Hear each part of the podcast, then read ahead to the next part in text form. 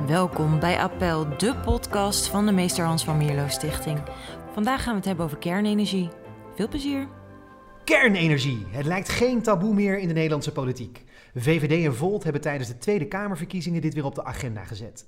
En volgens hen is dit een goede oplossing voor de klimaatcrisis. Maar linkse partijen zoals GroenLinks en de PvdA, die zijn nog steeds fel tegen. Mankind is at liberty to choose what form of government they like best. Als u denkt aan kernafval, wat is dan uw eerste gevoel daarbij? Ik word er niet blij van. Nee? Nee, ik geloof niet dat je dat, dat, dat, eh, dat, dat goed voor het milieu is. En ik weet ook niet of, dat wel, eh, of je dat wel op kan lossen. Of dat wel, eh, niet hoe dat met mijn gezondheid doet, wat dat ermee doet. Daar ben ik geen deskundige in. Dat zou ik aan de deskundige overlaten. Ja, nou, eigenlijk mee eens. Ik weet er ook niet genoeg van. En als ik zou weten dat het schadelijk zou zijn, ja, dan misschien wel. Ja. Nu in deze COVID-tijden niet, want ik denk dat dat niet zo verstandig is met z'n allen op elkaar. Maar als ik daar de, de positie in heb, dan wel. Gevaar. Eh, ik moest even met Finland gepraat. Die hebben daar hartstikke mooie oplossingen voor bedacht. Heel ver weg stoppen. Voor heel erg lang. Zonne-energie op windmolens. Ja. Ik hoef ook geen kerncentrale in de achtertuin.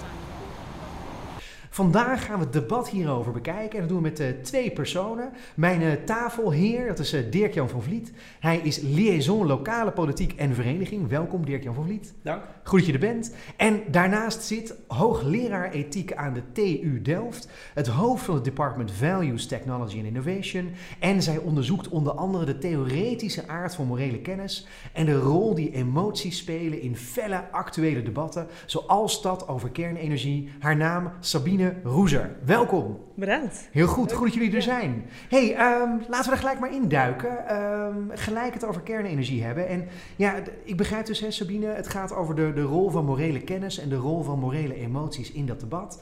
Ehm, hoe, hoe zit dat precies? Hoe loopt dat?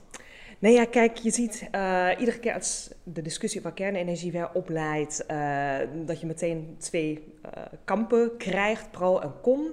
En het pro-kamp beroept zich op de harde cijfers en de ratio en verwijt het con-kamp emotioneel te zijn en verwijst eh, naar allerlei statistieken waaruit zou blijken dat eh, de kans op een meltdown bijvoorbeeld heel laag is en dat het eh, een hele goede bijdrage aan de energietransitie kan leveren.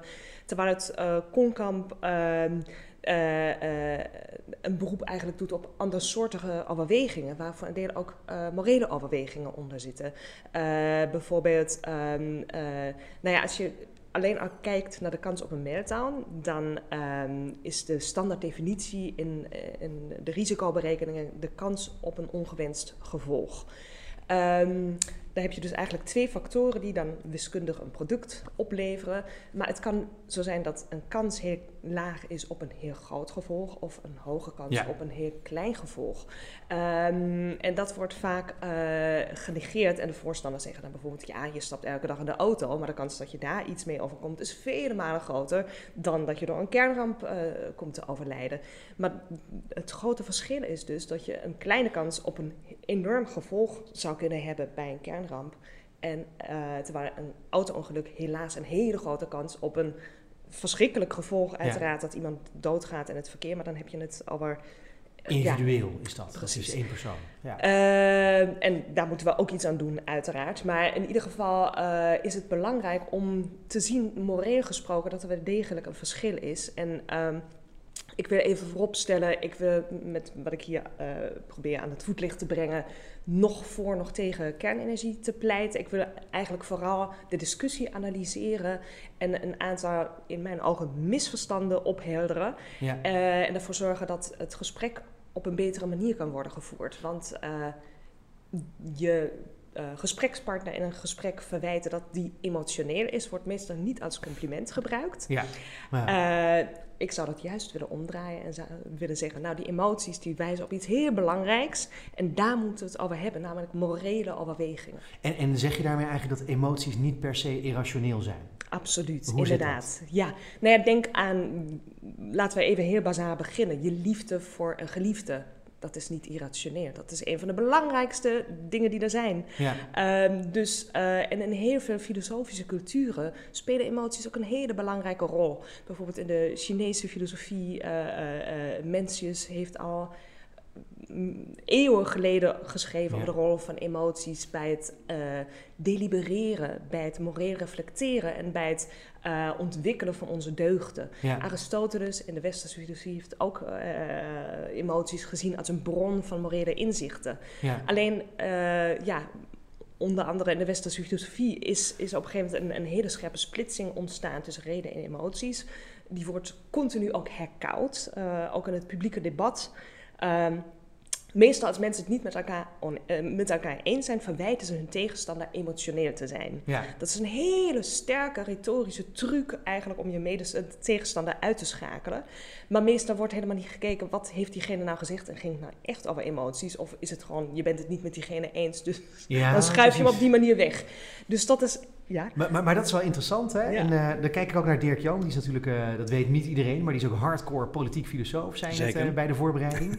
Eh, e- even voor de achtergrond, eh, hoezo noem jij jezelf hardcore politiek filosoof? Oh, Wat is, ik- eh, volgens ja. mij maak jij er nu hard Ja. van, maar ik, ik heb me tijdens mijn studie gespecialiseerd in politieke filosofie Ja. en met name het begrip, begrip autonomie bij filosofen als John Rawls en Joseph Raas Ja, en Ja. dat soort mensen. ja. Ja. En, en voor de kenners, dan zit je dus in de, zoals dat dan heet, meer analytische hoek, geloof ik? Of- Ja, in principe wel, ja. ja. En wat betekent dat verschil analytisch, continentaal? voor Ja, de- dus eh, de, de, de, de, de, de, analytische filosofen zitten dan meer in eh, Amerika, de VS, of eh, sorry, de UK. En dan kan je inderdaad denken aan mensen als, als, als John Rawls, maar Ja. ook eh Searle en dat soort filosofen. Terwijl Ja. de echte continentale, dan, dat is meer Derrida en Sartre, gewoon eigenlijk gekke Fransen. Zo, zo vat Oké, het samen. waar vallen de Duitsers dan? Ja, die, nou ja, goed, die, zit, die vallen aan, wel voornamelijk in de hoek van de gekke Fransen. Ja. Oh. maar eh, met een uitzondering, Habermas, die overstijgt het allemaal wel weer, zou ik zeggen. Maar Ja, ja. Die is wel Ja. weer een leerling van Heidegger. Eh, nou goed, dus Mijn god, eh, nou, ja. kijk, we hebben alle filosofen hebben we nu genoemd, maar de, de, de vraag die ik eigenlijk wilde stellen was deze. Je maakt een heel mooi onderscheid. Hè? Je zegt ehm, dat dat verschil tussen ratio en emotie, dat is in onze filosofische geschiedenis, is dat hier is dat een heel belangrijk onderscheid geworden. Dat is misschien iets wat je empirisch zo zou kunnen zeggen, of dat, dat zou je kunnen zeggen van mensen hebben daar meningen over. Tegelijkertijd gebruiken we dat onderscheid ook als retorische truc in een debat. Ja. Ik ben het met jou oneens, maar jij bent emotioneel. Ja, Eh, ja, ik ben rationeel. Dat, is, eh, ja. Ja. dat zijn natuurlijk twee verschillende opvattingen. Dus eh, hoe, hoe zit dat? Laten we, laten we eerst beginnen met technisch. Klopt het dat wij mensen verschillend zijn als we redeneren op ratio of emotie? Is dat... Nou ja, kijk, er zijn in het emotieonderzoek juist heel veel onderzoekers in de filosofie, maar ook in de psychologie, die eh, eigenlijk laten zien dat emoties ontzettend belangrijk zijn om rationeel te kunnen denken. Juist Ja. als het om praktische beslissingen gaat. Er zijn trouwens zelfs ook filosofen die beargumenteren dat om wetenschappelijke eh, onderzoek bijvoorbeeld te doen, dat je daar ook emoties bij nodig hebt. Maar laten we dat even parkeren en laten we ons vooral focussen op het morele domein, op, op de Ja. praktische rationaliteit. Eh, eh, filosofen als Martha Nussbaum, Robert Solomon, die hebben de afgelopen decennia hier heel belangrijk werk verricht om te laten zien, emoties zijn niet tegengesteld aan rationaliteit, ze zijn een specifieke vorm van rationaliteit en cognitie. Ja. In de neuropsychologie heb je de hele beroemde eh, psycholoog Antonio Damasio, die studies heeft gedaan met mensen met een hele specifieke hersenbeschadiging aan de amygdala.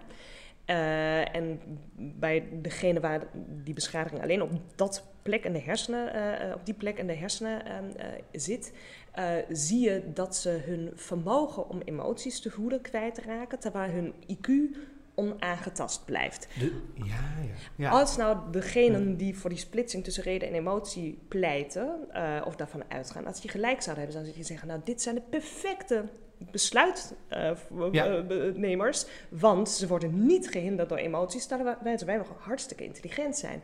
Maar het tegendeel blijkt dus waar te zijn. Empirisch uit die studies van Damasio blijkt dat mensen met die beschadiging niet alleen hun vermogen om emoties te voelen kwijtraken, maar ook hun vermogen om praktische en concrete morele afwegingen te maken. Dat is interessant. En- Dirk- ja, Dirk-Jan? Ja? En komt dat dan omdat uiteindelijk waardes, hè, dus wat we belangrijk vinden in het leven en eh, dus überhaupt het kunnen stellen van doelen, hè, gewoon een- een idee hebben van wat je wil doen, omdat die, nou ja, misschien emoties iets breder, maar in zoiets als emoties zijn. eh, Nee, dat zijn.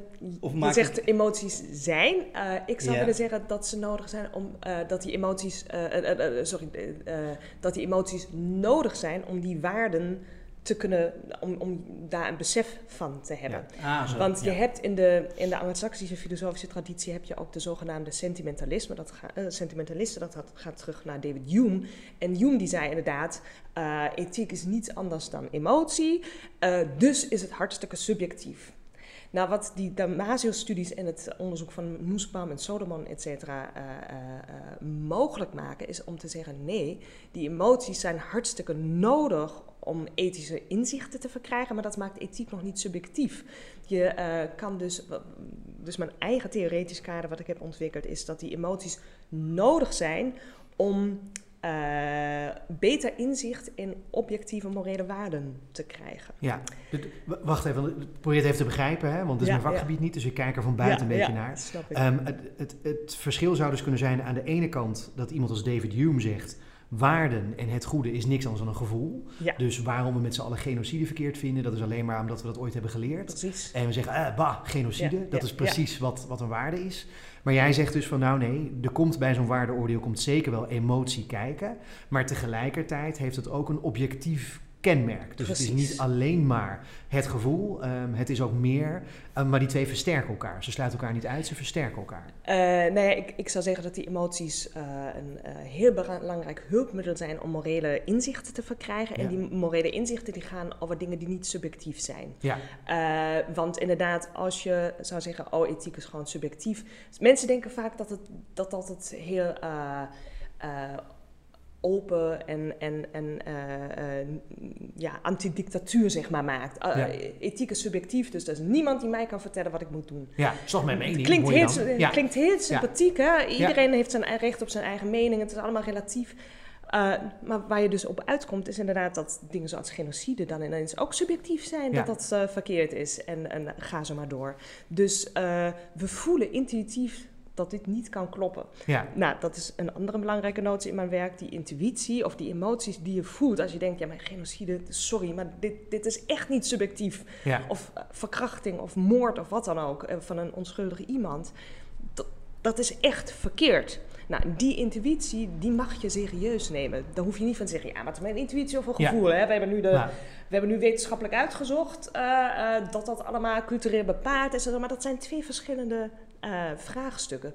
Um, wat je bijvoorbeeld met een antropologische of sociologische studie in kaart kan brengen, of met een uh, psychologische studie. Mensen vinden de facto, bijvoorbeeld zo en zoveel mensen vinden uh, genocide verkeerd. Nou, ik kan me niet voorstellen dat er iemand is die dat prima vindt. Bijvoorbeeld de doodstraf, noem maar iets. Ja. Ja. Uh, zo en zoveel mensen vinden de doodstraf verkeerd. Dus dat, dat is het antwoord op de vraag: is de doodstraf verkeerd? Nee. Want als je zelf bij jezelf na moet gaan: wat vind ik, wat vind ik van de doodstraf?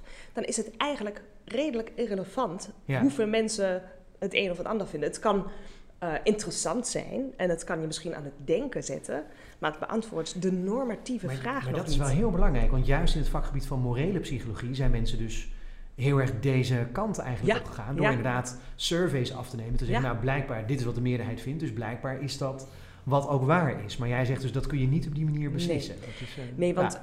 wat ook teruggaat naar David Hume, eh, maar ook naar, naar eh, andere filosofen, eh, G.E. Moore.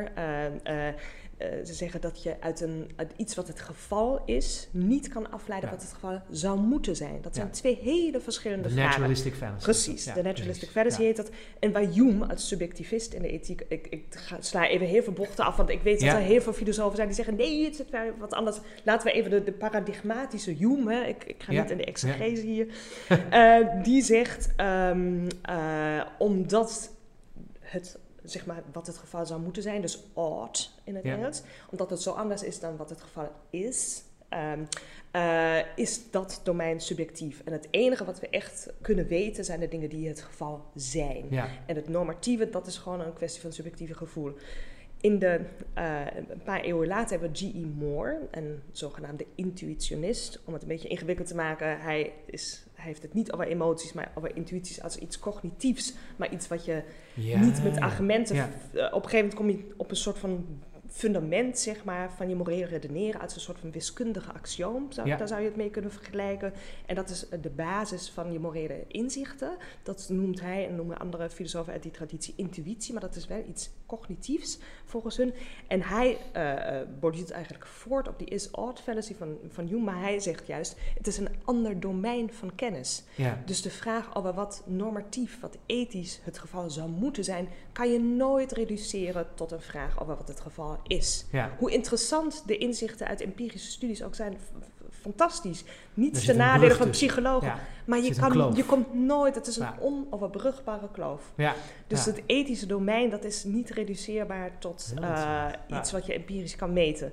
En dan, heel veel mensen denken dan meteen, oh, maar dan moet je religieus zijn. Nee, nee, nee, nee, wacht even, dat is ook weer een ander domein. Ja, Religie. En je, kan, je kan dus gecommitteerd zijn en overtuigd zijn dat ethische vragen betere en slechtere antwoorden hebben, om het maar zo non-committal mogelijk te zeggen, Ja, ja. zonder religieus te hoeven zijn. Wij mensen bijvoorbeeld, of dieren of levende wezens, die hebben bepaalde rechten en dat kunnen we voeden, dat kunnen we zien en daar horen we eh, rekenschap over af te leggen en ons gedrag ook op aan te passen. En daar, heb, daar hoeft geen religie aan te pas te komen. Voor degenen die wel religieus zijn, is het uiteraard met alle respect en waardering dat zij misschien nog een verdergaande verklaring hebben, maar die, heb die is niet nodig. Je hoeft niet Ja. religieus te zijn om toch eh, die gedachtegang Ja. eh, te kunnen onderscheiden. Ehm, nou, ik ben wel heel erg benieuwd hoe we van... eh, hoe, hoe je dan... Ja, we moeten weer zo weer terug naar kernenergie. Maar- precies. ja. Misschien, Ja. ik zit Ja. wel even te denken, want je, ik ben wel heel erg benieuwd hoe, je, hoe duid je dan... Hè, de, tuurlijk, eh, ik, misschien kan je zelfs wel zeggen dat het realistisch is om bang te zijn voor een meltdown. Tenminste, als er een meltdown is, dan zou ik dat niet zo heel erg prettig vinden. Eh, plus, ik heb heel erg de intuïtie dat dat heel veel ellende oplevert, denk ik. Hoe, hoe, hoe duid jij dat dan vanuit dat kader? Ja, om inderdaad eh, heel goed dat je de brug weer terugslaat naar de kernenergie. Ehm, allereerst zou ik willen zeggen dat eh, een mogelijke meltdown één van de mogelijke moreel relevante ja. aspecten van kernenergie is. Ja. Maar er zijn er veel meer, ten voordelen en ten nadelen. Dus ook belangrijk denk ik dat ethiek niet alleen maar gaat over dingen waar we op tegen zijn, maar ook de dingen waar we voor zijn. Mhm. De Ja. voorstanders van kernenergie maken impliciet ook morele argumenten. Namelijk dat kernenergie bijvoorbeeld kan bijdragen aan de energietransitie en de reductie van CO2. Ja. eh, waar we gisteren weer, eh, de- eh, nou ja, in het nieuws was, was het weer groot we het natuurlijk wat de EU, precies. Dus daar moeten we iets aan doen aan de energietransitie, aan de eh, CO2-uitstoot. En voorstanders van kernenergie zeggen, kernenergie kan hier een hele belangrijke rol in spelen Mhm. Ja. is ook een moreel argument. Want die eh, energietransitie is nodig om duurzaamheid, leefbaarheid, verantwoordelijkheid naar toekomstige generaties Ja. enzovoort eh, op ons te kunnen nemen. Eh, anderzijds heb je bij kernenergie weer allerlei andere neveneffecten, zoals het onvermijdelijke afvalvraagstuk. Ja. Eh, ook daar heb je weer een vraagstuk eh, wat betreft verantwoordelijkheid voor toekomstige generaties, die je opzadelt. eh, voor Maar, maar, maar laten we dan die, die verschillende gevolgen die er mogelijkerwijs zijn, laten we die dan proberen uit te pluizen. Ja, Wat ja. we dus nu aan het doen zijn, Ja. is, hè, stel je voor er komt een kerncentrale, dan kan dat bepaalde gevolgen hebben. Eén van die gevolgen is afval, maar ik denk dat het belangrijkste wat, wat nu het meeste in de media naar voren wordt gehaald, is misschien inderdaad wel het risico op een meltdown. Je gaf in het begin gaf je aan van ja, en economen en klassiek mensen die zich met risicoanalyse bezighouden, maken altijd die berekeningen. Je hebt kans maal impact en dat is dan, economen noemen dat een expected utility model. Ja. En als ik jou goed begrijp, zeg je eigenlijk, zowel voorstanders als tegenstanders maken dezelfde berekening, dus dezelfde nummers, alleen ze wegen het anders. Dus ze zeggen van de, de kans op deze hele grote negatieve impact, die, daar zijn we het eigenlijk wel over eens. Die kans die is heel klein, maar die impact, als het gebeurt, die is heel groot.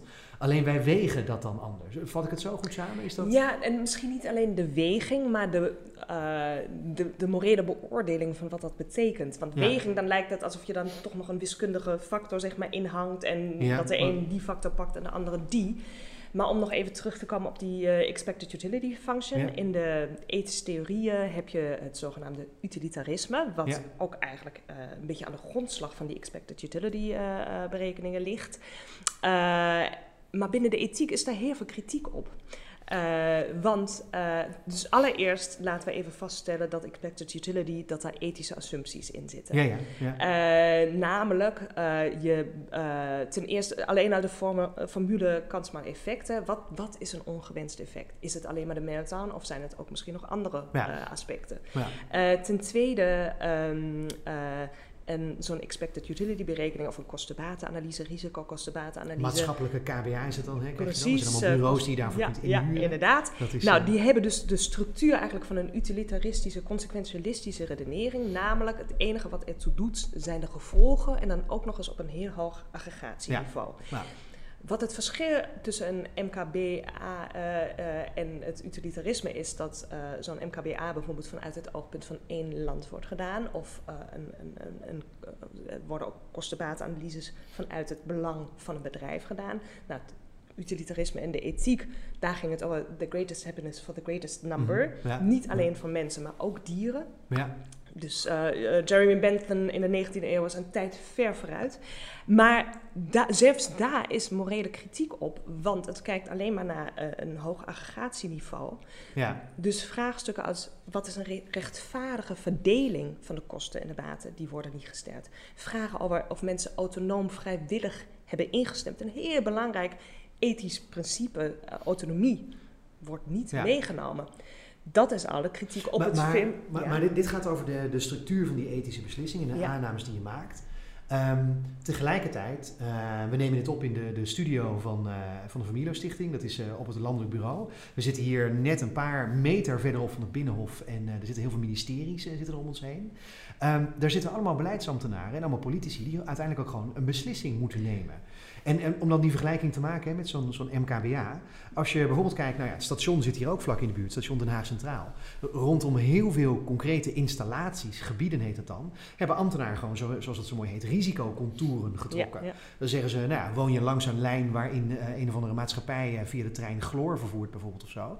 Ja, dan ga je daar wonen, dan loop je gewoon bewust het risico. Geen enkele huizen kopen die daarbij stilstaat, maar ze hebben daar gewoon lijntjes getrokken over. Nou, de Ja. kans dat je nu eh, in een chloortrein ongeluk betrokken raakt, 1 op 1000. Nou, dat is Ja. dan wat je gekozen hebt en dat hoort dan in de huizenprijs verdisconteerd te worden. Nee, dat, is, dat onderschrijft eigenlijk mijn punt. Oh, so- sorry. Ja, ja. Nou, ja de, de vraag is eigenlijk vooral, ehm, eh, je kunt al die aannames kun je wel één voor één proberen te bevragen, maar heb je daar wel tijd voor? Want op een bepaald moment moet je ook gewoon een beslissing nemen. Ja, eh, nou ja, kijk, ehm, ik denk dat het belangrijk is ten eerste dat we goede beslissingen nemen. Ja. ja. Eh, ten tweede... Wat is een eh, goede beslissing dan? Nou, ja, eh, op goede gronden. Ja. En ik denk dat het. Kijk, dat je uiteindelijk een knoop moet doorhakken, dat is één ding. Maar je moet wel je bewust zijn van welke aannames je maakt en welke je buiten beschouwing laat. Dat wordt nu Ja. niet onderkend. Er wordt gedaan alsof dit soort berekeningen objectief zijn. Maar dat zijn ze niet. Daar zit een waardeaanname. En trouwens, nogmaals, niet dat waardeaannames het meteen subjectief maken. Maar het is in ieder geval niet alleen maar een kwantitatieve berekening. Daar Ja. zitten morele veronderstellingen in die bepaalde morele relevante, hele belangrijke morele overwegingen buiten beschouwing laten. Ja.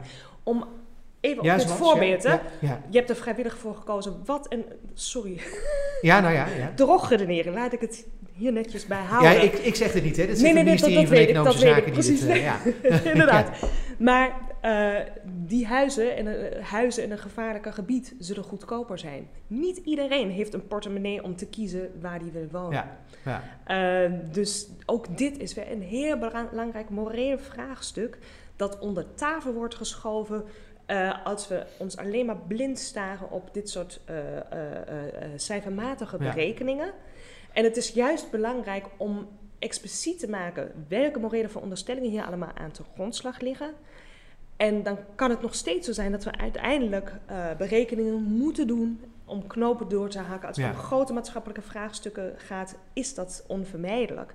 Maar laten we wel ten eerste niet mensen die er kritiek op he- hebben afzetten als emotioneel. Ja, precies. ja, dat was de eerste... Eh, ja. ik zou dat juist Ja. als compliment trouwens opvatten, maar zo wordt het meestal niet bedoeld. Eh, en laten we niet claimen dat het puur objectief en rationeel berekent. Dat is het niet. Ja. Er Ja. zitten morele Risico's zijn altijd een subjectieve inschatting wat dat betreft. Dick Jan. Ja, dus, ja. dus ja, interpreteer ik je goed als je zou zeggen, ik zou willen voorstellen om die berekeningen wel te gebruiken, maar het is gewoon meer één van de vele hulpmiddelen die je kan inzetten om Precies. het debat te voeren En met elkaar in gesprek te gaan over hoe we het het beste kunnen organiseren. Precies. Ja. En eerlijk en, en eh, transparant te zijn over de vooronderstellingen die erin zitten. Want Ja. nog een dimensie van kostenbatenanalyse is dat er een waarde aan een mensenleven wordt eh, Ja, ja, ja. geplakt. ja. Eh, Ja. Of je hebt bijvoorbeeld de QADI's, de Quality eh, Life Adjusted, Quality Adjusted Years. Life Years. Ja. Precies. Een vraag, wat is een mensenleven waard?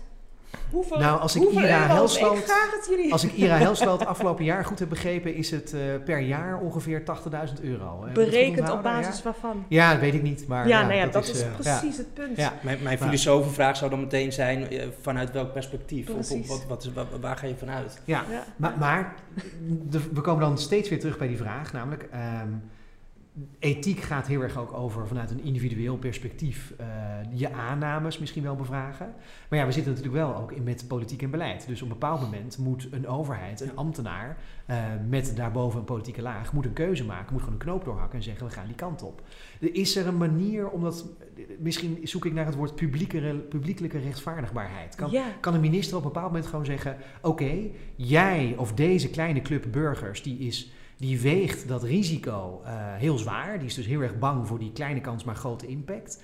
Maar toch ga ik dat niet meenemen in mijn beslisprocedure procedure nu. Simpelweg omdat die angst die zij hebben niet meer publiekelijk, publiekelijk rechtvaardigbaar is. Ik moet nu een keuze maken en dit kan ik niet meer zo zwaar meewegen. Ja, maar dan zijn eigenlijk alle argumenten die ik heb gemaakt weer van tafel geveegd, zonder ook maar op enige manier te zijn meegenomen. Want dan wordt weer eigenlijk ervan uitgegaan dat die kleine groep die daarop tegen is, dat hun enige zorg de kans Ja. op een meltdown is en dat die ook nog eens niet relevant is. Ja, Ik- oké. ja. Het is juist van cruciaal belang om te onderkennen dat het kernenergievraagstuk veel complexer en rijker is dan alleen maar de kans op een meltdown. Maar- dat is één. Maar gegeven dan ja, die maar dan complexiteit. even, eh, eh, eh, ik denk niet dat ethiek alleen maar een individuele vraagstuk is. Ja, dat, dat is vaak de vooronderstelling in de politiek.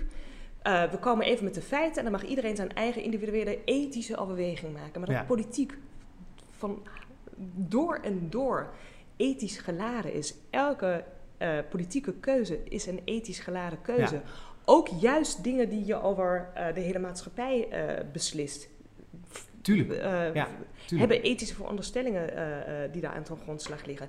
Je moet, uiteindelijk moet er een knoop worden doorgehakt, ben ik het helemaal Ja. mee eens. Maar dat moet vooraf zijn gegaan door een echte deliberatie. Ik noem het ook liever deliberatie dan discussie. Omdat, Ja. dit, omdat het voor mij, eh, om over Habermas te spreken, ook heel erg belangrijk is dat je een echt gesprek met elkaar aangaat. Bij een debat denk je aan mensen die met een gestrekt been geharnast met elkaar in gevecht gaan. Ja. En dan ga je punten scoren en dan wie gewonnen heeft, dat gaan we doen. Dat is iets heel anders dan proberen te achterhalen wat is nou moreel gezien het beste wat we kunnen doen. Ja. Dat kan je in een deliberatie doen waar je ook Maar dat brengt mij wel op, ja. op de, de, gelijk ook de volgende vraag. Ja. Dus die, die complexiteit en dat ethiek natuurlijk relevant is voor politieke beslissingen, dat is denk ik een goed gegeven.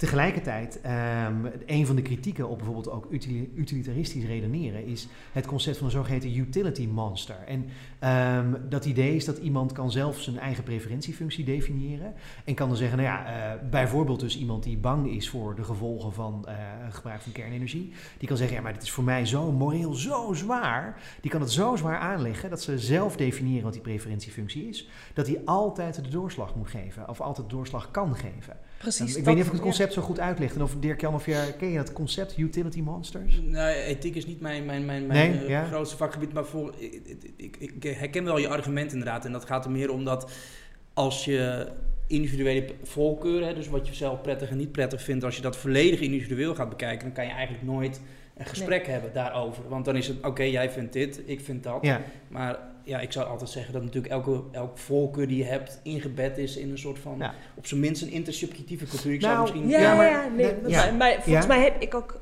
Ja. mm, Dat wil ik even, eh, als er misverstanden zijn, volgens mij heb ik op geen enkel moment gezegd Nee. dat mensen zelf hun eh, morele waarheden kunnen bepalen en dat die niet meer onderhavig zijn aan kritiek. En tegendeel, het is juist belangrijk Ten eerste dat je met elkaar delibereert. Ja. Mhm. En dat die eh, morele emoties en intuïties die mensen hebben, die zijn een belangrijke bron tot morele inzichten, die niet daardoor subjectief worden. Integendeel, die moet je Ja. inderdaad ook intersubjectief met elkaar kunnen bevragen en bespreken. Dus eh, ik zou juist, ik zie juist als we emoties, eh, dat, dat rijkere begrip van emoties, dat opent juist de baan om met elkaar echt in gesprek te gaan. En als iemand een. En, en, en eh, ik eh, denk dat we helemaal niet moeten beginnen met iemands utility function. Nee, Eh, precies. dat, dat ja, moet ja. ergens aan Dat het is ook een eind vakterm, ja, ja, precies. Precies. Ja, en nee, ja. dus het gaat niet alleen maar om dat mensen een, een, een, een gewicht en dan bijvoorbeeld een oneindig gewicht aan een meltdown en dan hebben ze het debat gevetoed. Ja, Dat, dat, is, dat staat eigenlijk haaks op wat ik probeer eh, te zeggen. Want dat is juist weer geredeneerd vanuit de, dat de enige manier waarop we met elkaar kunnen praten is een utility function. Het enige wat het er doet is de meltdown. Wat is jouw utility Ja. function? Wat is die van ons? En dan kiezen we wat. eh, dan, dan gaan we. een- Nee, Gemene delen, ja. eh, je moet het veel rijker trekken. En die, die, die, het modelleren en het in getalletjes vertalen, dat doen we ergens aan het eind. Laten we eerst maar eens in kaart brengen welke moreel relevante aspecten hier eigenlijk allemaal spelen. En om even over kerncentrales, eh, bijvoorbeeld eh, twee collega's van mij van de TU Delft, Benham Tebi en Jan Leen Kloosterman. Eh, Benham is ingenieur en filosoof. Jan Leen is de expert aan de TU Delft over- kernenergie. Ze hebben jaren geleden een artikel geschreven over de, eh, de waarden die in het geding zijn bij verschillende type kernreactoren. En drie belangrijke waarden daarbij zijn duurzaamheid. En dan veiligheid. In het Engels heb je het mooie onderscheid tussen safety en security. ja, ja. Eh, dus enerzijds Zekerheid de intrinsieke veiligheid versus de veiligheid eh, bijvoorbeeld door terroristische aanslagen. eh. En dus eh, sustainability, safety, security in het Engels, mooi, alle drie met een S. En ze hebben in kaart gebracht de standaard type kernreactoren die we op dit moment hebben. Eh, hoe doen die het in termen van die drie waarden? En Ja. wat eruit blijkt uit hun inventarisatie en, eh, is dat elk van die reactoren scoort goed op één of twee van die drie waarden, maar slecht op, op, op zijn minst één andere. Dus er is op dit moment nog niet een type kernreactor wat optimaal scoort op alle drie die waarden. ja. Nou, dan kan je verschillende vragen stellen. Je kan bijvoorbeeld zeggen, laten we, en, en die ingenieurs en, en technici die die, eh, die die reactoren ontwikkelen, die zijn natuurlijk niet eh, geprivilegeerd wat, waar het gaat om het eh, afwegen van welke waarden vinden we dan Nee, het belangrijkst. Dat is bijvoorbeeld typisch iets wat je in een soort van co-creatie situatie met elkaar zou kunnen bespreken. Welke ja. eh, waarden vinden we nou het belangrijkst en voor welk type als we het al zouden willen, hè, dit even vooropgezet, welk type vinden we dan het meest aanvaardbaar? Je zou ook nog een stapje verder kunnen gaan. We zijn bij ons eh, ook heel erg bezig bij onze filosofievakgroep met eh, wat we noemen responsible innovation, design for values.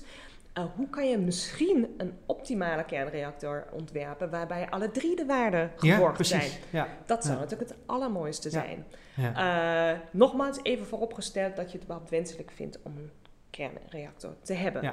Maar, Want om weer maar, maar, want je zou, dus, je zou dus aan mensen die nu zeggen, eh, maar wij vrezen de gevolgen van zo'n kernreactor, zou je dus kunnen zeggen, op het moment dat wij kunnen laten zien dat aan die drie waarden ehm, er, een, er een kernreactor mogelijk is die daaraan voldoet, in voldoende mate, zou je dan voor kunnen zijn. Dat is dan het, het idee van zo'n deliberatief proces, dat je niet telkens maar je voor en tegen gaat schieten, maar dat je aan elkaar gaat vragen voorwaardelijk. Oké, jij vindt dit belangrijk, hoe kunnen we dat dan met elkaar vormgeven? Dus je, gaat Ja. niet, je maakt niet een of-of vraag, je maakt meer een hoe-vraag dan. Precies. Dat is maar zo. ik denk dat we eigenlijk om, nog wat stappen terug nog ook de vraag moeten stellen: eh, willen, we, willen we kernenergie en zo, zo ja, onder welke voorwaarden? Ja. En waarom hebben we het nodig? Hè?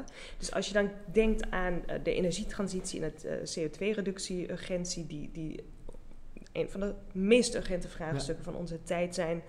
eh, ehm, eh, denk ik dat je elke energietechnologie in de context van de energiemix moet beschouwen. Ja. Want zodra je één technologie apart beschouwt, ehm, elke technologie heeft voordelen en nadelen. En de kans is heel groot dat je vanwege de, de nadelen de een naar de andere technologie afschrijft. Eh, dat hebben we natuurlijk ook al zien gebeuren rondom allerlei technologieën. En ik bedoel dit niet om, om nu te pleiten voor een van die technologieën. Ik, ik wil ervoor pleiten dat we het gesprek beter met elkaar voeren. Dit is niet een heel zinvol gesprek. Ja. Want ergens moet die energie vandaan ko- komen. Of je hebt nog als alternatief, we gaan radicaal minder consumeren. Ja, maar dat is Ja. ook voor de meeste mensen onvoorstelbaar. Oké, laten we dan met z'n allen constateren, we hebben gewoon hier een maatschappelijke uitdaging. Het is niet alleen maar de voorstander van kernenergie die iets daardoorheen wil drukken. Of de voorstander van schaliegas of eh, eh, aardgas of eh, windmolens die iets er doorheen wil drukken. Nee, al die opties die komen naar voren omdat we een probleem hebben met elkaar. Ja. Laten we met elkaar kijken hoe we dat het liefst willen oplossen. En eh, stel dat we zeggen, we prioriteren de renewables. eh, bijvoorbeeld omdat een belangrijke overweging ook is de omkeerbaarheid van een technologie. Eh, dat is ook een moreel belangrijke waarde, want die is gerelateerd aan verantwoordelijkheid voor toekomstige generaties. Ja. Laten we bijvoorbeeld kijken hoe ver we komen met de energietransitie door en toch aan, wat aan onze consumptie te doen. En te kijken, als we nou heel veel zouden investeren in renewables, ehm, hoe ver we dan kunnen komen en wat zijn dan nog de knelpunten die overblijven. Ja. En dan kijken, oké, welke eh, fossiele eh, energiebronnen, eh, mogelijk kernenergie, zouden dan wellicht nodig moeten zijn om het gat te vullen. Als je op die manier een prioritering aanbrengt, bijvoorbeeld welke technologieën vinden we het minst problematisch? Maar je stelt dus voor als maatschappij dat we eerst een lijstje moeten maken van belangrijke waarden. Dan vervolgens alle technologieën, die waarden Ja. misschien ook nog wegen. Dus dat Ja. we zeggen, wij vinden omkeerbaarheid twee keer zo belangrijk als snelle beschikbaarheid of zoiets bijvoorbeeld. Hè. En dan vervolgens dat we eh, met z'n allen dus daarover gaan stemmen en dan scoren wat alle opties zijn. Dan dus niet alleen maar kernenergie, niet alleen maar typisch kernreactoren, maar ook windmolens, zonnepanelen, biomassa, Kolencentrales. Al die andere dingen Precies. bij elkaar. Dus ik zie toch weer een hele grote, maar dan echt een hele complexe beslismatrix vormen. Ja, nee, is, eh, nogmaals, ik denk dat, dat dingen formeel en empirisch en kwantitatief in kaart brengen, dat is helemaal niet erg. Uh, Ja. uh, maar laten we dan een rijker model inderdaad gebruiken en dingen niet simplistisch reduceren. Trouwens, mijn collega's uh, in onze faculteit, Niek Mouter en, en andere collega's, die hebben onlangs zo- zo'n type uh, survey gedaan, dat ook bij de Tweede Kamer gepresenteerd. Ja, en dat lijkt me een ontzettend belangrijke bron van inzicht hoe kijken mensen hier tegenaan? Welke waarden nemen ze mee? En, en een dergelijke studie draagt er ook toe bij dat mensen zich realiseren: oké, het gaat nu niet om het afschieten van één technologie en dan de volgende, de volgende. Inderdaad, Ja. het inzicht.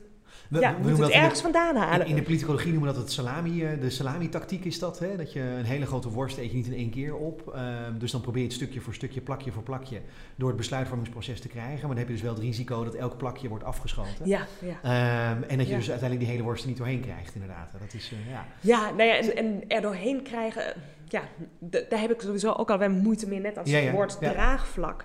Want dat suggereert dat we eigenlijk al weten wat we willen en we gaan het nu een hapklare brokken aan het, de samenleving voordragen, Ja. zodat zij akkoord gaan met onze briljante beslissingen. Dat, ik zou het willen omdraaien en ik zou daar, nogmaals, laten we met de deliberatie beginnen. Ja, Dan krijg je het draagvlak aan het eind cadeau. Maar, maar Dirk-Jan eerst. Ja. wil ik een vraag stellen over... eh, Ja, maar Dirk-Jan, ja. ja. Eh, we hebben, wat- ik, ben in, ik, ik had een beetje hetzelfde gevoel eh, als ik jouw verhaal zo hoorde. Van, dan, dan kom ik toch weer een beetje op een, alleen gewoon een hele ingewikkelde beslismatrix. Maar, eh, laten we inderdaad vooral eerst met elkaar in gesprek zijn, gaan. Dat lijkt me een heel goed idee.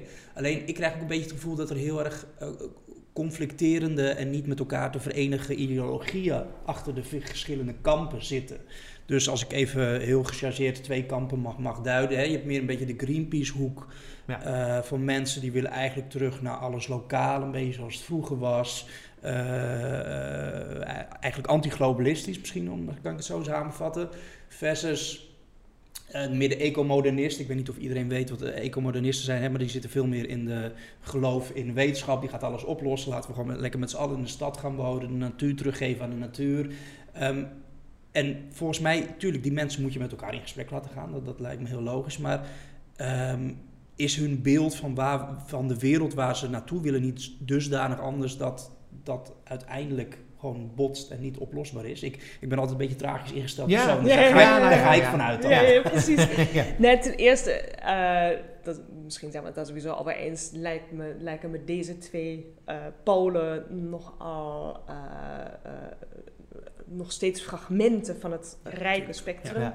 Want dit is misschien nog steeds eh, sowieso, misschien zitten die mensen uiteindelijk nog zelf in dezelfde intellectuele bubbel, om het maar, even zo het, te het zeggen. punt is wel, wat hij zegt, is dat er, dat er, dat er kampen zijn. En dat die ja, kampen ja, niet... ja. eh, ja. dat zou je misschien in de politieke psychologie willen noemen, iets als eh, cognitive humility hebben. Om dan te zeggen, ja, maar zoals wij er tegenaan kijken, dat is ook maar een mening en een van de vele. En laten we ons samen in een deliberatieproces stappen. Ik denk dat het nadeel van zo'n de- deliberatief proces is. A, die beslismatrix die is heel groot ehm, en complex. Eh, maar B, ehm, je hebt geen enkele garantie dat, dat, er, dat iedereen er met dezelfde bescheidenheid instapt. Ja, ja, ja. Nee, dat is een heel goed punt. Kijk, laat ik het zo zeggen. Ik denk zoals het nu gaat, hebben we de tragedie die, die zich al voor onze ogen. Ja, we tragisch ja. ingesteld zijn. Ja. Dus we hebben niets te verliezen. Het gaat hartstikke mis. We weten sinds de Club of Rome, sinds 50 jaar, weten we dat we dingen moeten doen. En ze Ja. gebeuren mondjesmaat. eh wat trouwens ook, denk ik, gisteren kwam ook in het nieuws dat er de afgelopen 30 jaar uit CO2-reductie heeft plaatsgevonden. Ik denk, nou, dit- is misschien ook eens een keertje belangrijk om heel groot in het nieuws te brengen. Mensen, we hebben al heel veel dingen bereikt. ja. Maar Ja. we, we zijn er nog lang niet. Laten we dat ook meenemen. Eh, maar het, het, eh, in ieder geval de besluitvorming als zodanig, die gaat gewoon niet goed. Ja. Eh, want inderdaad, allerlei. Het is bijna niet mogelijk om echt een goed gesprek over welke energietechnologie dan ook te hebben. Ja. En dat komt, denk ik, juist doordat we nu laveren eigenlijk tussen twee uitersten. Ik neem noem het in mijn onderzoek de technocratische valkuil versus de populistische valkuil. Ja. De technocratische valkuil is, nou, onze ambtenaren hebben, of wie dan ook, Ja. heeft het uitgerekend. Dit is de paar waarheid, klaar, ja. nu dit. eh, Trouwens, mijn Delftse collega's zijn zich enorm bewust van de ethische aspecten van, Oké, van, ja, heel eh, goed. van Ja, hun werk. maak even een grapje. Eh, ja, precies. Maar ik Ja. dacht even voor de zekerheid, mochten zij dit zien naar voren. Ehm, eh, dus dat is het technocratische, de technocratische benadering. Aan de, het andere uiterste, de populistische benadering. Oh, de mensen willen het niet. Oh, sorry, oeps, eh, we gaan Ja. het niet doen. Denk Ja. aan Rutte die, eh, nou ja, eh, vlak na het RTR-debat zei... Oh nee, ik had me vergist. De mensen in Groningen zitten er helemaal niet op te wachten. Nee, daar gaan we het natuurlijk Hij niet stelde doen. een kerncentrale voor en toen zei hij ineens weer nee, doe het niet. dat is gewoon meegaan met... ja. Precies. En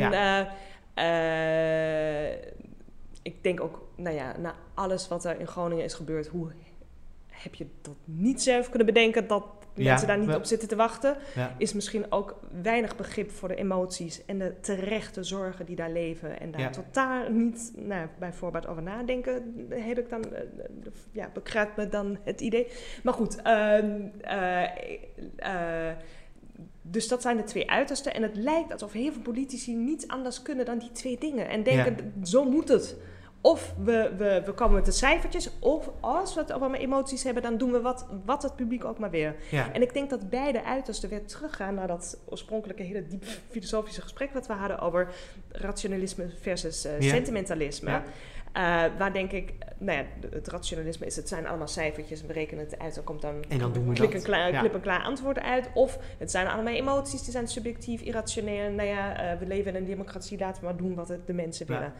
Ehm, ik denk juist dat dat rijkere idee van emoties, waar ik me in mijn onderzoek mee bezig ben, maar gelukkig niet ik alleen. Er zijn dus eh, allerlei filosofen, psychologen die ook ehm, de rijkdom van emoties voor morele besluitvorming, nogmaals, zelfs de ja. klassieke Chinese filosoof Mencius had daar al fantastische ideeën over. Dus het is echt helemaal niks nieuws.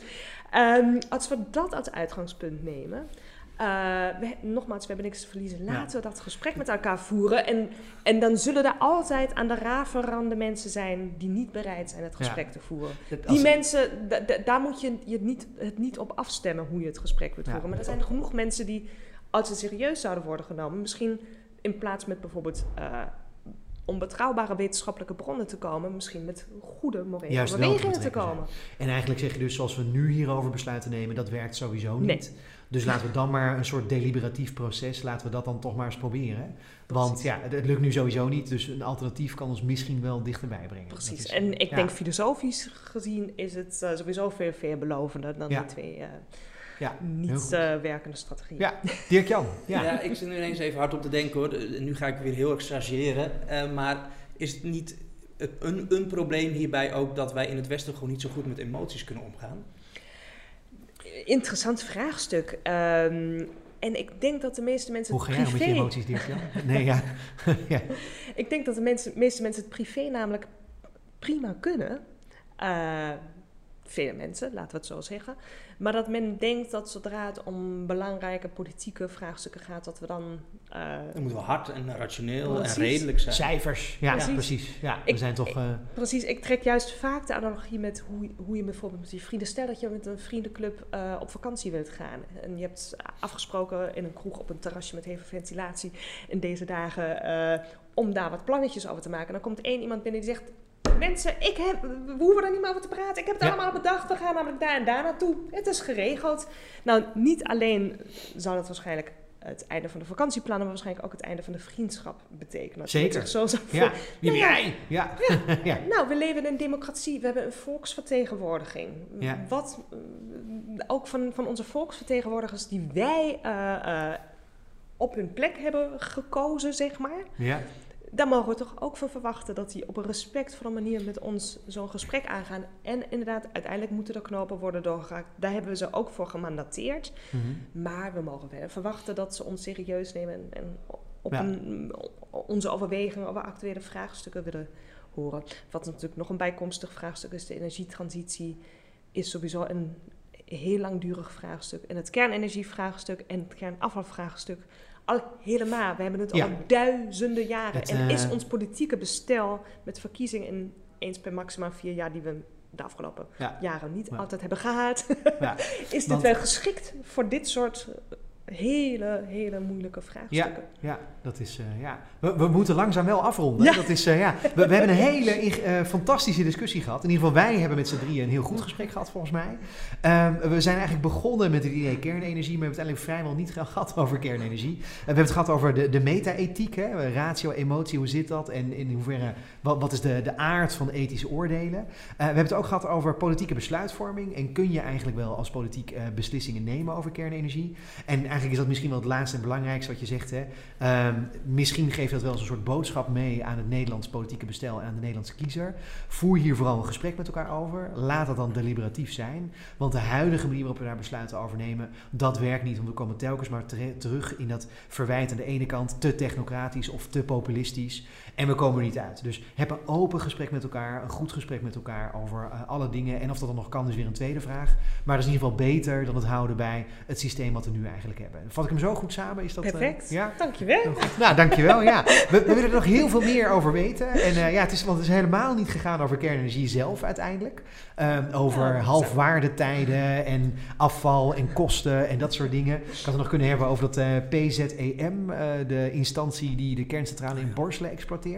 Ehm, dat die afgelopen jaar eh, verlies heeft geleden. Wist je dat? Nee. Dat, is, eh, nee, dat komt omdat de energievraag was afgenomen vanwege corona. En eh, Ah. daardoor konden zij dus minder leveren, dus hebben ze minder hebben ze geleverd. Interessant ook, hè, toen Rutte de vorige keer lanceerde dat idee van nog een kerncentrale in Nederland, zeiden alle andere energieleveranciers, dus PZEM niet, maar alle andere, die zeiden allemaal, dat is niet rendabel.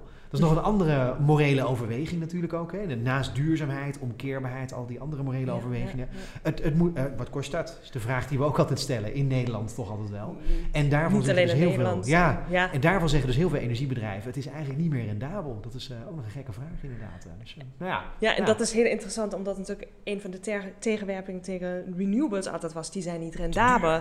Maar de vraag is natuurlijk, als je alle ressources die je in sommige technologieën zou stoppen, als je die in andere technologieën zou stoppen, ja, ja, wie weet. Ja. Eh, nogmaals, ik wil hier niet een, een, een persoonlijke uitspraak voor of tegen een bepaalde energiebron, maar ik denk Ja. dat, we, dat we veel meer nog kunnen bereiken ehm, door ons perspectief breder te trekken dan altijd maar in die een maatschappij, dus jij stelt voor een maatschappij brede deliberatie, waarbij we eerst de waarden eigenlijk articuleren, alle waarden ook serieus nemen, alle morele emoties die erbij komen ook serieus nemen, en dan vanaf daar de optie en de mix eigenlijk eh, goed bekijken. En dan kunnen we met z'n allen hopelijk uitkomen.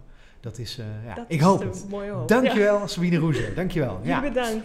En om het af te sluiten, kijk ik even naar eh, Dirk-Jan van Vliet, eh, de sociaal-liberaal van het moment. Wie Ja. is het? Ik, ehm, ik ben natuurlijk een van die 17 miljoen virologen, dus ik ga me nu ook een beetje in deze discussie mengen als volledige leek. Maar ehm, ik wil wel iemand aanhalen die geen leek is, zoals het goed is, namelijk eh, Louis Kroes. Hij is hoogleraar virologie aan de Leidse Universitair Medisch Centrum en hij had deze week een artikel in NRC waarin hij ieder appelleerde aan een zorg die ik ook heb, namelijk eh, zijn we met de maatregelen niet meer kwaad aan het doen eh, dan wat we proberen te voorkomen, namelijk ziekenhuisopnames. En dan specifiek in dit geval, hè, oudere mensen zijn allemaal, zwakkere mensen zijn allemaal dubbel gevaccineerd al. Dus dat, dat gaat goed. Het is vooral jongeren die het nu oplopen en misschien mensen van mijn leeftijd. Ja. Eh, ik weet niet of dat nog jonger is. Ehm, die bijna eigenlijk niet in het ziekenhuis komen. En dan heb je het argument natuurlijk van hè, long covid. Moet je dat dan niet meewegen? Maar en dat is denk ik waar ik hem als sociaal-liberaal van dit moment zou willen benoemen. Omdat hij heel erg opkwam eigenlijk voor eh, het beschermen van de levens van de mensen die... eh, eigenlijk dus de vrijheid ook van de mensen die eh, worden ge- gepakt met de maatregelen. Bijvoorbeeld in dit geval de festivalorganisatoren die eigenlijk hun ziel en zaligheid met een vingerknip eh, ongedaan gemaakt zien worden. Eh, en dan voor wat eigenlijk? En dan kijk ik ook weer even naar eh, onze Ja, gast. Want Sabine. Ja. mijn eerste intuïtie zegt dan dat is irrationeel. Dus daarom moeten we het niet doen. En mijn, niet eerste intuïtie, maar gebaseerd op mijn theoretisch kader, zou Mhm. ik zeggen. Als wij niet ofwel dat hele technocratische of het populistische, oh de mensen kunnen het niet meer aan, we gaan nu alles in één keer opengooien. Maar als we iets meer gedelibereerd hadden, hadden we misschien ook kunnen zeggen, laten we het stapsgewijs doen, goed monitoren hoe het gaat. Er waren denk ik ook nu eh, volgens mij mensen die juist zeggen, dit is het allerergste wat ons kan overkomen. Eerst ons blij maken en dan moet het weer eh, intrekken. Ik denk dat we bij eh, dit virus ook zien, het is makkelijker om het uit de fles te krijgen dan het er weer in te krijgen. Eh, om maar even de geest in de fles, zeg maar. Eh, Dus Mhm. ik denk dat je stapsgewijs, beter stapsgewijs had kunnen opschalen, zoals het eigenlijk ook de bedoeling was. En dat het ook in een internationale context zie je dat heel veel landen Nederland juist heel erg luchthartig en misschien een beetje frivol vonden. Dat terwijl Nederland nog bij een van de slechtste landen was, Ja. meest vergaande maatregelen al losliet. Eh, ik, ben, ik ben het ook volledig eh, met jullie eens dat, dat eh, de slachtoffers zitten aan alle kanten. Dus het is niet alleen maar de ziekenhuisopnames, maar inderdaad ook wat gebeurt er door allerlei maatregelen. Wat zijn daar de negatieve gevolgen? Ik denk dat dat juist vergt dat we een weloverwogen afweging maken. Maar, maar het lijkt eigenlijk alsof jij wil zeggen, Dirk-Jan, dat, dat eh, Louis Kroes dus eigenlijk al een weloverwogen afweging heeft gemaakt. Dat hij eigenlijk zegt, als ik de kansmaal impactberekening van die Delta-variant op jongeren loslaat, versus de kansmaal impactberekening ehm, als ze nog langer in allerlei maatregelen moeten zitten en maar bij hun ouders eh, thuis moeten blijven zitten in kleine hokjes en niet hun sociaal-psychologische eh, fundamentele ontwikkeling ook kunnen doen, dat dat eigenlijk misschien wel schadelijker is. Die ja, ene dat kant, is exact wat hij zegt. Dat is Maar- wat hij zegt inderdaad. Je had misschien Ja. ook kunnen zeggen, want eh, ongeveer tegelijk met het versoepelen werd, eh, werden de vaccins vrijgegeven voor de jongeren. Ja. Je had ook kunnen zeggen, nou laten we nog even Ja. doorbijten, want een heel groot percentage van de jongeren is bereid zich te laten vaccineren. Ja. En als we dat achter de rug hebben eh, en in de tussentijd gaan we stapjesgewijs, gewoon stapje voor stapje, niet alles tegelijk en nou ja, de Jansen, dansen met Jansen slogan, dat soort Ja, ja, ja. ongelukkige Ja. eh, adviezen. Eh, dan hadden we misschien eh, die jongeren hadden het ook echt nog een paar weken Ja. zonder festival uitgehouden. En dan hadden de festivalorganisatoren die waren, hadden geweten waar ze aan toe waren. Eh, en je ziet nu dat de Nederlandse jongeren in allerlei eh, landen nu alweer de Delta-variant aan het verspreiden zijn. Ehm, eh, en daar ook alleen maar eigenlijk redeneren. Ik kan er zelf niet ziek van worden, maar je kan Ja. ook andere mensen ziek Ja. maken. En we zagen in Engeland dat dingen misgingen, eh Ja. Israël. Dirk Dus Jan, waarom ja. hier niet? Ja. Ja, en, en, en misschien ben ik dan, ik, net noemde ik mezelf tragisch, maar ik ben dan ook blijkbaar toch weer heel erg optimistisch. Eh, namelijk dat eh, als je kijkt naar hoe die vaccins werken, met nogmaals mijn volledige lekenkennis, dan denk ik van ja, die werken gewoon best wel goed. En ook nu in Groot-Brittannië, volgens mij zijn de ziekenhuisopnames, maar verbeter me als ik dat verkeerd heb, maar wel wat, op, wat toegenomen, maar niet eh, tot een niveau waarvan je denkt, hier moeten we wat tegen gaan doen. Nee, ik denk dat wij allemaal de komende weken zullen zien Precies, wat er het is gaat gebeuren. die zin, ja. Maar het probleem is juist, we weten denk ik inmiddels dat we met dit virus niet zomaar kunnen spelen. En ik denk dat het daarom wel belangrijk is om stapje voor stapje dingen te doen. En je zag ook in Ja, India dat daar laat- bijvoorbeeld ook ja. jongeren heel ziek werden van de Delta-variant. Dus Alright. Dirk-Jan, dankjewel voor deze nominatie. Dat eh, vind ik een hele goeie. En eh, het laat misschien ook wel zien dat een deliberatief proces eh, misschien niet altijd even makkelijk is. In welke beslissing dan ook. Hè. Kernenergie, coronacrisis, wat het ook maar is. Eh, en tegelijkertijd misschien wel de, de beste weg voorwaarts. Dus eh dankjewel voor jullie aanwezigheid. Dirk-Jan van Vliet eerst en Sabine Roeser, dankjewel. jullie bedankt. Goed.